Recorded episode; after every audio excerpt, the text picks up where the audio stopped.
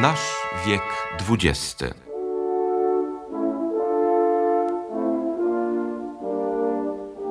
Postacie, Celui qui fit triompher la France républicaine de l'Allemagne de Guillaume II. cienie e i demony. Deutschland, sieg heil!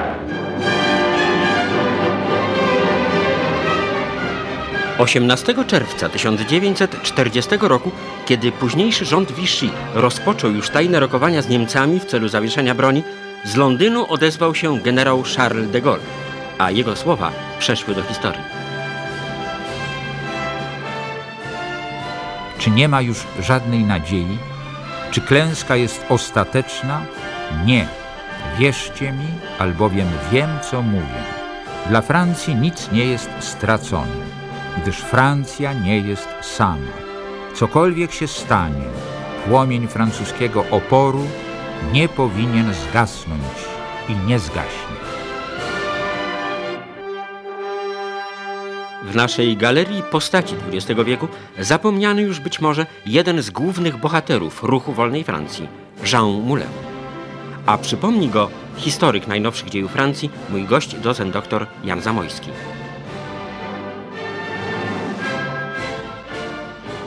Osiemnastego czerwca 1940 roku, kiedy to de Gaulle wygłaszał swój historyczny apel z Londynu, nasz bohater urzędował zapewne w Chartres jako prefekt, prawda?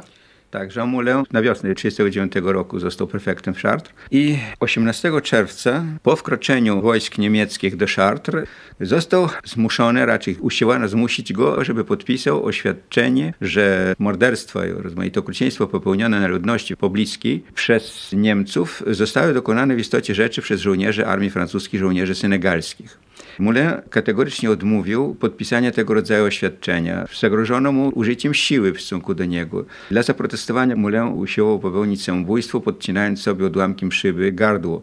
Stąd bardzo często występuje on z chustką na szyi, szalikiem na szyi, dlatego że miał bardzo silną szramę pozostałą po tej próbie samobójstwa. I to wszystko stało się właśnie To 18 właśnie czerwca. 18 czerwca, także Moulin... Symbolicznie. Symboliczne jest, prawda. I to był jednocześnie jego pierwszy akt sprzeciwu, który zapoczątkował jego dalszą drogę. W listopadzie 40 roku został przez władze Vichy odwołany z tej funkcji, no i od tego czasu właściwie zaczyna się jego działalność w podziemiu. Oczywiście nie słuchał zapewne apelu de No, Gaulle'a z 18 czerwca. Było mu prawda? bardzo trudno no właśnie, w tym tak. momencie, prawda. Ale czy uznał jego zwierzchnictwo, jego autorytet natychmiast? To była sprawa dosyć skomplikowana, dlatego że stosunek do de Gaulle'a nie był taki prosty. Ruch oporu kształtował się dosyć długo i dopiero gdzieś w drugiej połowie 1941 roku skrystalizowały się już jakieś podstawowe formy strukturalne tego ruchu oporu we Francji. I zasługą Mulena było to, że on zebrał maksimum informacji o istniejących organizacjach podziemnych, i z tą wiedzą przedostał się do Londynu, przedostał się zresztą drogą legalną.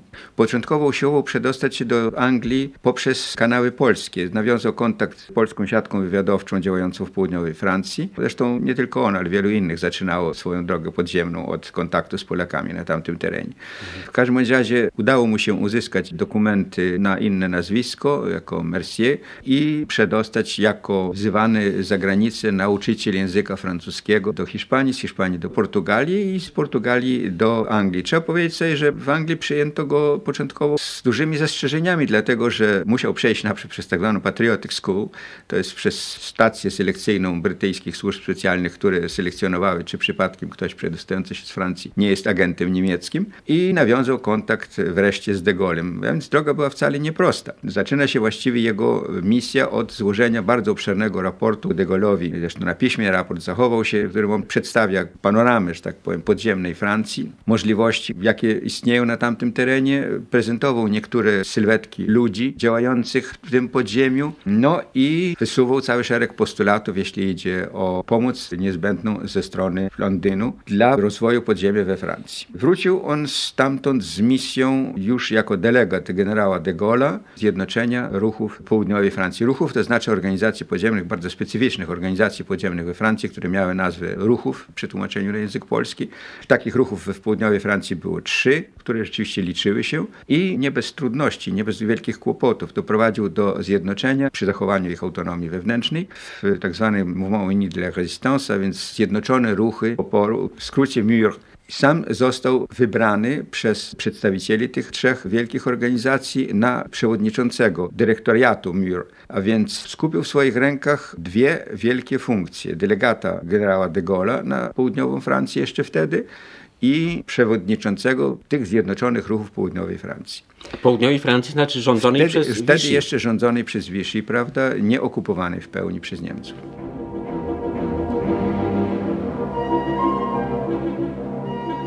Książki Jean Raymonda Tourneau, po raz pierwszy ujawnione, wydanej na początku lat 70.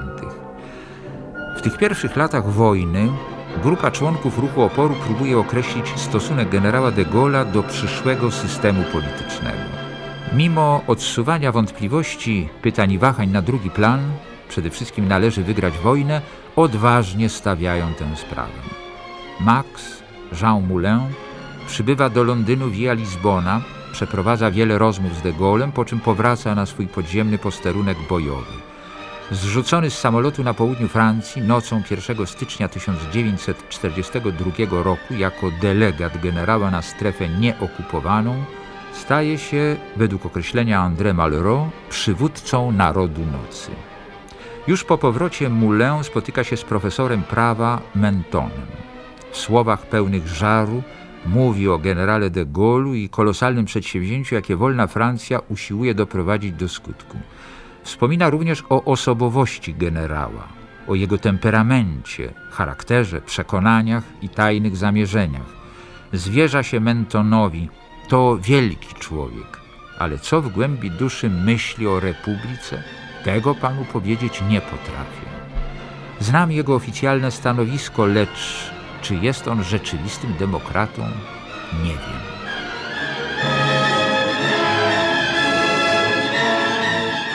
Kwestia uznania generała de Gaulle'a jako szefa, również i w stosunku do ruchu oporu we Francji, wcale nie była taka prosta. I szereg organizacji do końca 1942 roku, a niektóre nawet do początku 1943 roku uważały go tylko za swojego, jak gdyby, delegata, reprezentanta na zewnątrz. Ponieważ one uważały, że powstały i rozwinęły się i działały we Francji nie na podstawie apelu, tylko apelu z 18 czerwca, który, jak powiadają, niewielu ludzi słyszało, a z tych, którzy słyszeli, niewielu zrozumiało i wyciągnęło jakiekolwiek wnioski, tylko z własnego impulsu patriotycznego. W tym również istniały pewne elementy polityczne. Po pierwsze, w stosunku do de Gaulle'a miano wielkie zastrzeżenia, nie bardzo wierzono w jego republikanizm.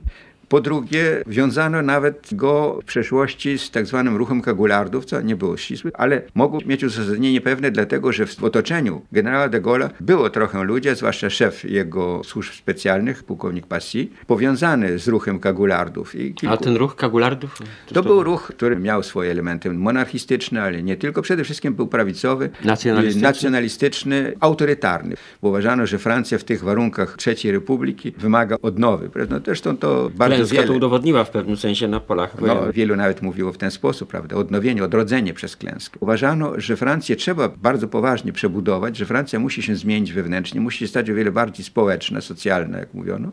I to odrodzenie może nastąpić właśnie poprzez ludzi nowych, którzy weszli do ruchów, nie oczekując y, na jakiekolwiek sygnały, nakazy, rozkazy i tak dalej. Jean Moulin też był pełen rezerwy, ale pobyt w Londynie przekonał go do de Gaulle'a. Stał się jego zwolennikiem Tak, i entuzjastą e, wręcz, między- ale z pewnymi zastrzeżeniami. Między nimi istniała, jak de Gaulle powiada, wspólnota myśli, wspólnota idei. Dlatego, że Moulin, podobnie jak de Gaulle, uważał, że podstawą istnienia Francji, podstawą funkcjonowania Francji jako państwa jest aparat państwowy. Podobnego zdania był również de Gaulle. I że należy odbudować Francję, owszem, republikańską, ale Francję rządzoną o wiele mądrzej, o wiele bardziej racjonalnie, aniżeli to było w okresie III Republiki. I de Gaulle zresztą potwierdził mu swoje przywiązanie, bo to była podstawowa kwestia, do tak zwanych wolności republikańskich. Ale de Gaulle rzeczywiście publicznie zdeklarował się jako republikanin dopiero jesienią 1942 roku. Do tego czasu w jego oświadczeniach publicznych pojęcie republiki nie funkcjonuje. Wracając do Mulena i ruchu podziemnego, jak można go porównać z polskim podziemiem?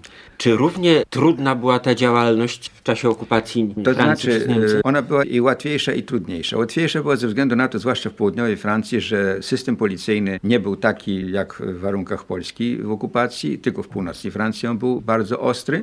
Poza tym istniały najprzeróżniejsze formy powiązań między administracją wiżystowską a ruchem oporu. Na przykład przez pewien okres czasu niektóre z tych organizacji otrzymywały pieniądze nawet. To może się wydawać bardzo dziwne, ale tak, Organizacja Civile Militaire, konserwatywna raczej organizacja, była założona za pieniądze pochodzące z gabinetu marszałka Petena. Ruch Combat, może największy ruch podziemny w południowej Francji, w ogóle we Francji, kierowany przez kapitana Frenet, byłego oficera służb specjalnych wywiadu francuskiego. Do schyłku 1942 roku utrzymywał bardzo bliskie, osobiste kontakty właśnie kapitana Frenet z jego macierzystą służbą, a więc wywiadem wyszystowskim wówczas. Także to sprawy były nieproste. Z tym, że trudnością to, że Francja nie miała żadnych doświadczeń że w ogóle działalność podziemna była czymś niesłychanie obcym. Tak samo jak i powiedzmy sobie działalność zewnętrznych ośrodków była czymś niesłychanie obcym dla tradycji francuskiej. No tak, nie byli w niewoli, jak Nie, nie ileś byli w niewoli. Więc były to absolutnie rzeczy obce tradycjom francuskiej, mentalności francuskiej. I można powiedzieć, że cały szereg wielkich wsyp, wielkich wpadek, jakie miały miejsce w podziemiu francuskich, wynikały właśnie z tej nieumiejętności przystosowania się do warunków podziemnych. Stąd też ta ich tendencja do nawiązywania kontaktów z Polakami jako tymi, którzy mają wielkie doświadczenie w działalności podziemnej. Z wojennych generała de Gaulle'a. W lutym 1943 roku po raz drugi przybył do Londynu Jean Moulin, mój delegat na kraj i generał de Lastran, dowódca tajnej Armii Krajowej. Moulin, jak mogłem się przekonać przy tym ponownym spotkaniu, wyrósł na działacza imponującego siłą przekonania i autorytetem. Czuł, że jego dni są policzone, lecz był zdecydowany doprowadzić przedtem do końca swe zadanie zjednoczenie ruchu podziemnego we Francji. Poleciłem mu nie zwlekać dłużej z utworzeniem Krajowej Rady Ruchu Oporu, do czego od dawna przygotowywał grunt. W jej skład mieli wejść przedstawiciele wszystkich organizacji podziemnych, obydwu stref, wszystkich stronnic politycznych oraz obu central związkowych. Jean Moulin miał stanąć na czele Rady jako jej przewodniczący. W czasie pobytu w Londynie mianowałem go członkiem francuskiego Komitetu Narodowego, po czym w moim domu w Hampstead udekorowałem Krzyżem Wyzwolenia. Nigdy nie przeżyłem bardziej wzruszającej uroczystości. Tego samego dnia, 24 marca, Moulin i generał de Lestrange wyjechali z Londynu. I jeden i drugi szli na walkę i na śmierć.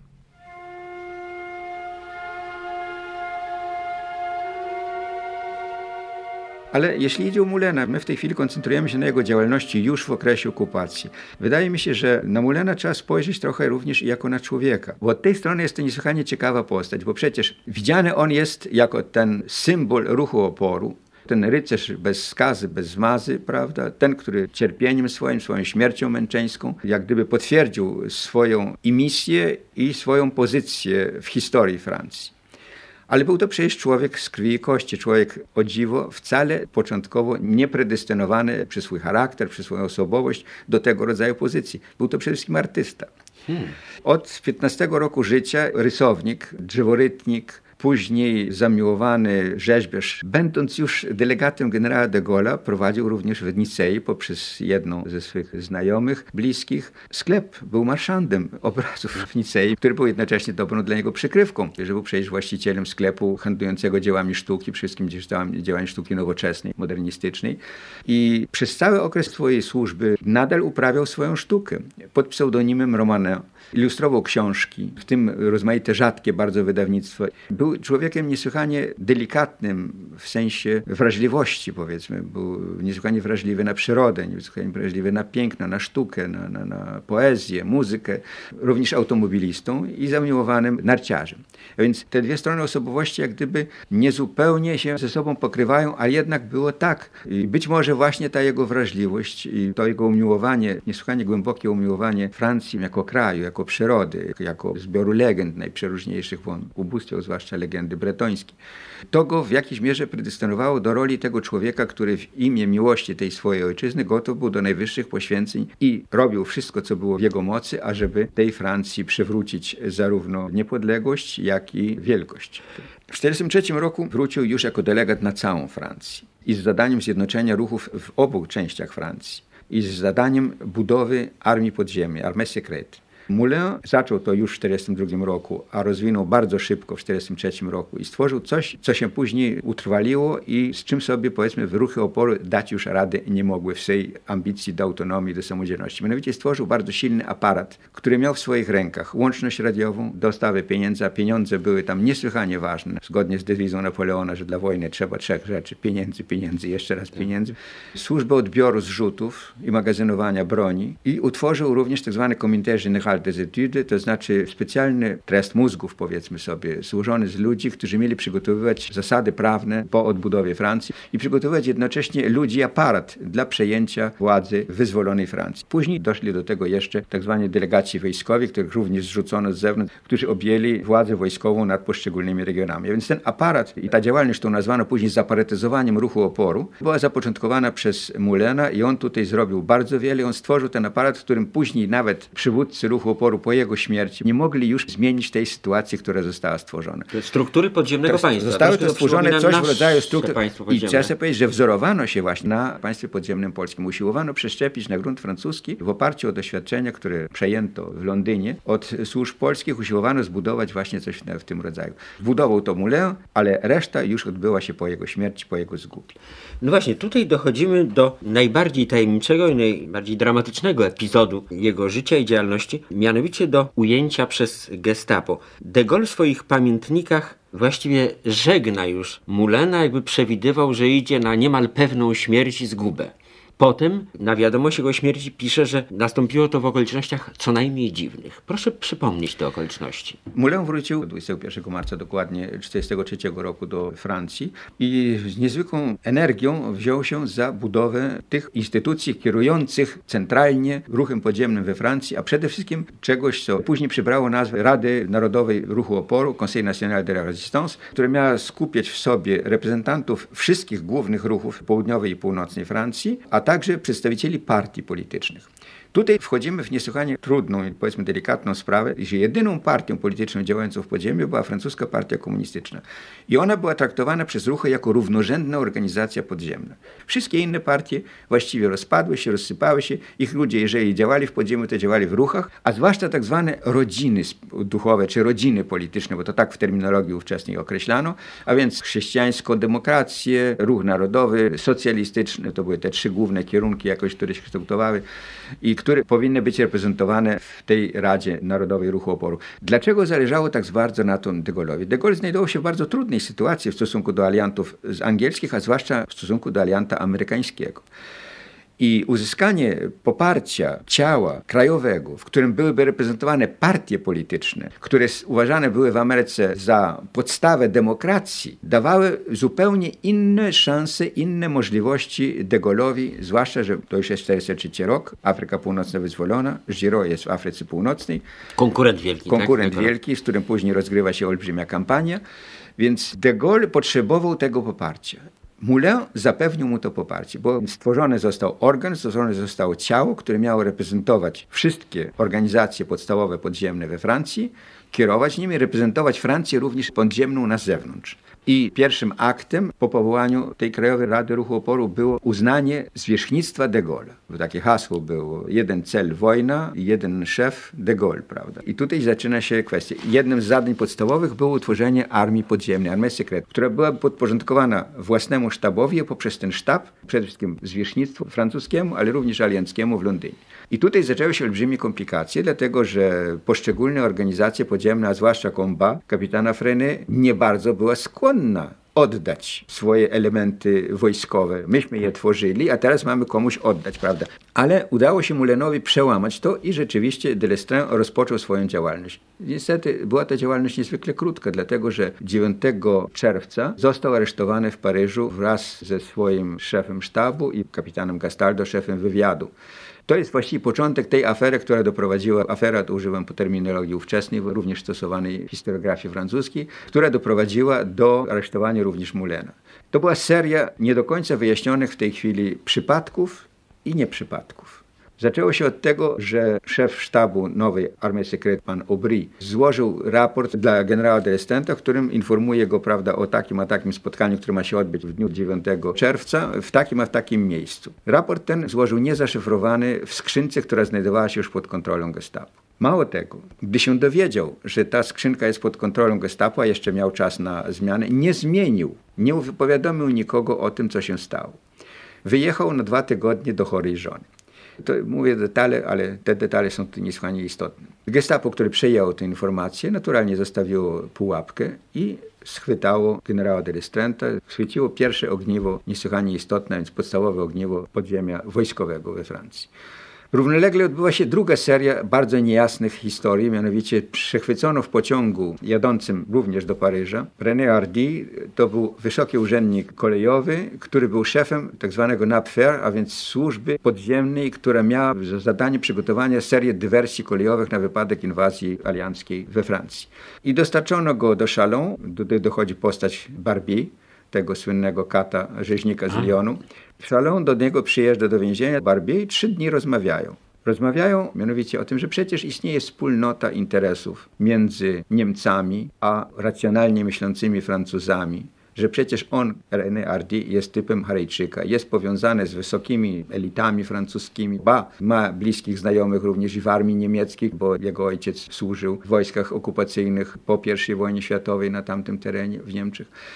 A więc istnieje wspólnota interesów, niesłychanie bliska wobec komunistów, którzy chcą zagarnąć władzę we Francji w wypadku wyzwolenia, wobec Rosji radzieckiej, która przecież w wypadku zwycięstwa zaleje całą Europę i tak dalej, i tak dalej. Ardi później tłumaczył się, że on nie uległ tym namowom, ale też i nie przeczył zanadto. Został zwolniony.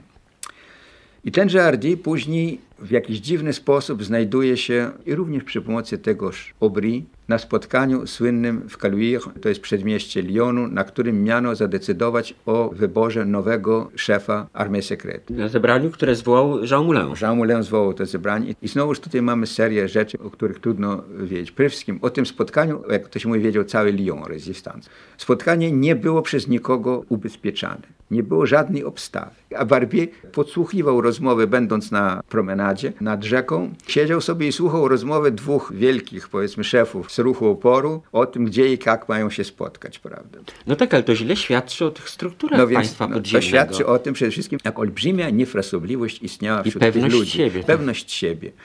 I gestapo zdejmuje całe towarzystwo, które się spotkało u doktora. Jednego to było pod pozorem, że niby ludzie przychodzą na wizytę lekarską. W tym przedmieściu w Caluire to jest tak na wzniesieniu. Tam trzeba dojeżdżać taką kolejką linową.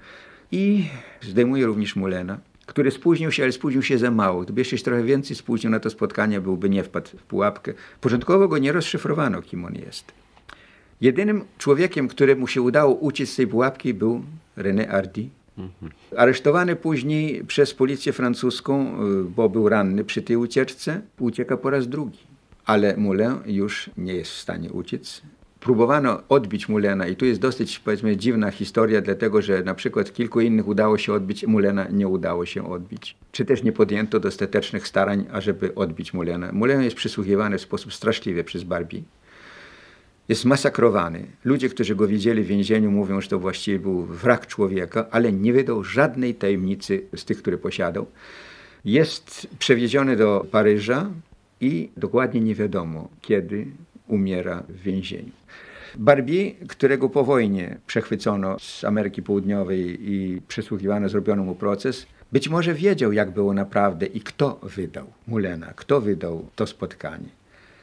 Ale do dzisiaj my nie wiemy, czy on to powiedział, czy nie. I czy to, co on powiedział, było prawdą, czy nie było prawdą. Dlatego, że Barbie, jak wiadomo, zmarł w więzieniu. Jego proces nie zakończył się i zeznań jego nikt nie zna. Ja rozmawiałem z adwokatem, panem Henri Noguer, autorem zresztą tej olbrzymiej sześciotomowej historii ruchu oporu we Francji, który był jak gdyby oskarżycielem pomocniczym ze strony tych ludzi, którzy zostali zamordowani przez e, Barbier lub z jego rozkazu. I on mi powiedział, że no, jest absolutną niemożliwością właściwie wydobyć na podstawie tych informacji, które on posiadał, rzeczywistą prawdę o tym, co się stało właściwie w Caluire. Jaka była przyczyna, kto wydał. Ardi był sądzony po wojnie dwukrotnie. Raz przez sąd cywilny i zwolniony z braku dowodów i po raz drugi przez sąd wojskowy, kiedy wyszła właśnie ta historia, bo początkowo nie wiedziano, że on został zdjęty z pociągu idącego z Lyonu do Paryża i wtedy aresztowano go po raz drugi i po raz drugi sąd wojskowy go uniewinnił z powodu braku dowodów. Tak,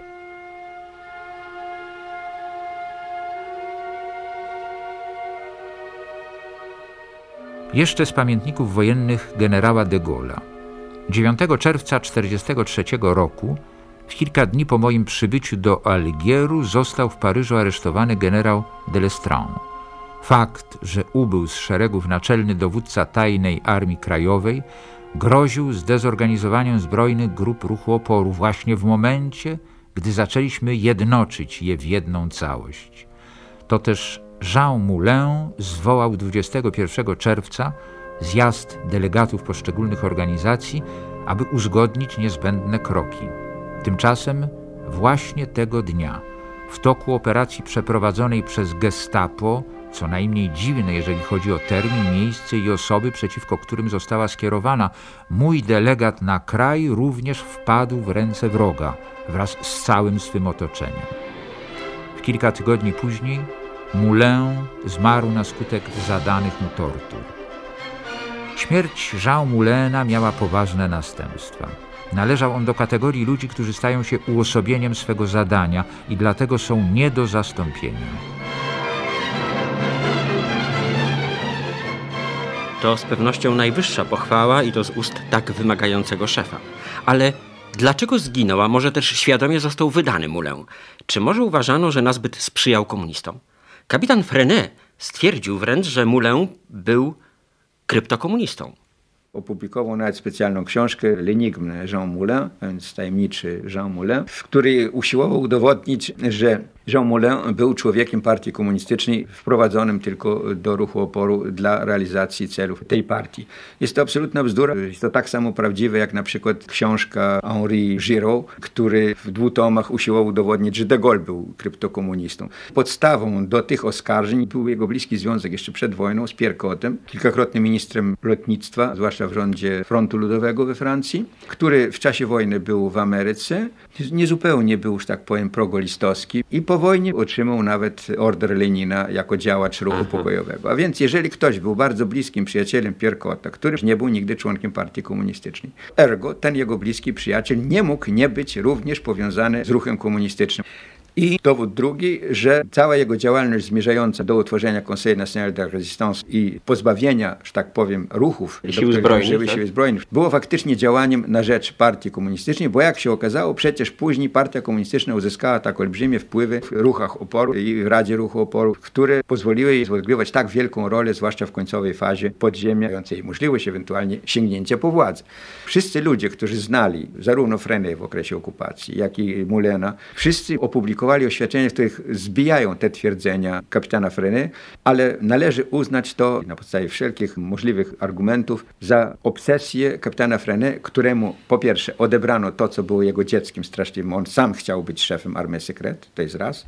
A po drugie, w związku z konfliktem, który zaistniał między nim a Moulenem, de Gaulle odwołał go z Francji i powiedzmy urządził go na takim honorowym internowaniu, naprzód w Londynie, a później w Algierze. Nie dopuścił już do powrotu do Francji. Aha, i dlatego Frene miał powody. Frene miał powody, ażeby mieć powiedzmy osobiste anse, osobistą niechęć, osobiste pretensje. Tak, ale czy to między innymi nie przyczyniło się do faktu, że w Panteonie Jean Moulin, ów zapomniany bohater, znalazł się wiele lat później? Być może było to wynikiem tego, że przez wiele lat chciano zapomnieć o rezystans, o tym wszystkim. O Vichy, o rezystans Francja nie chciała myśleć. Dla jednych była to olbrzymia kwestia zawodu, że chcieliśmy w rezystans czegoś zupełnie innego, innej Francji to są zresztą zawsze złudzenia kombatantów. A ona okazała się taka, jaka się okazała. Dla innych znowu była to kwestia wstydu, tych, którzy byli z Vichy. Chcieli zapomnieć o tym okresie hańby, okresie powiedzmy no, niezbyt godnym dumy. Dopiero po powrocie de Gaulle do władzy zaczęły się próby jak gdyby nowego spojrzenia i odrodzenia prac nad tą historią i w związku z tym była kwestia spojrzenia na postać Mulena jako tego, który uosabia w sobie tego ducha ruchu oporu we Francji, który doprowadził go na tę wyżynę, jeżeli idzie o funkcję, po drugie do męczeńskiej śmierci, która potwierdziła jego oddanie i, co jest niesłychanie ważne, spełnił tę swoją misję z ramienia generała de Gaulle. I jako takiego właśnie de Gaulle wprowadził go w 1964 roku do Panteonu.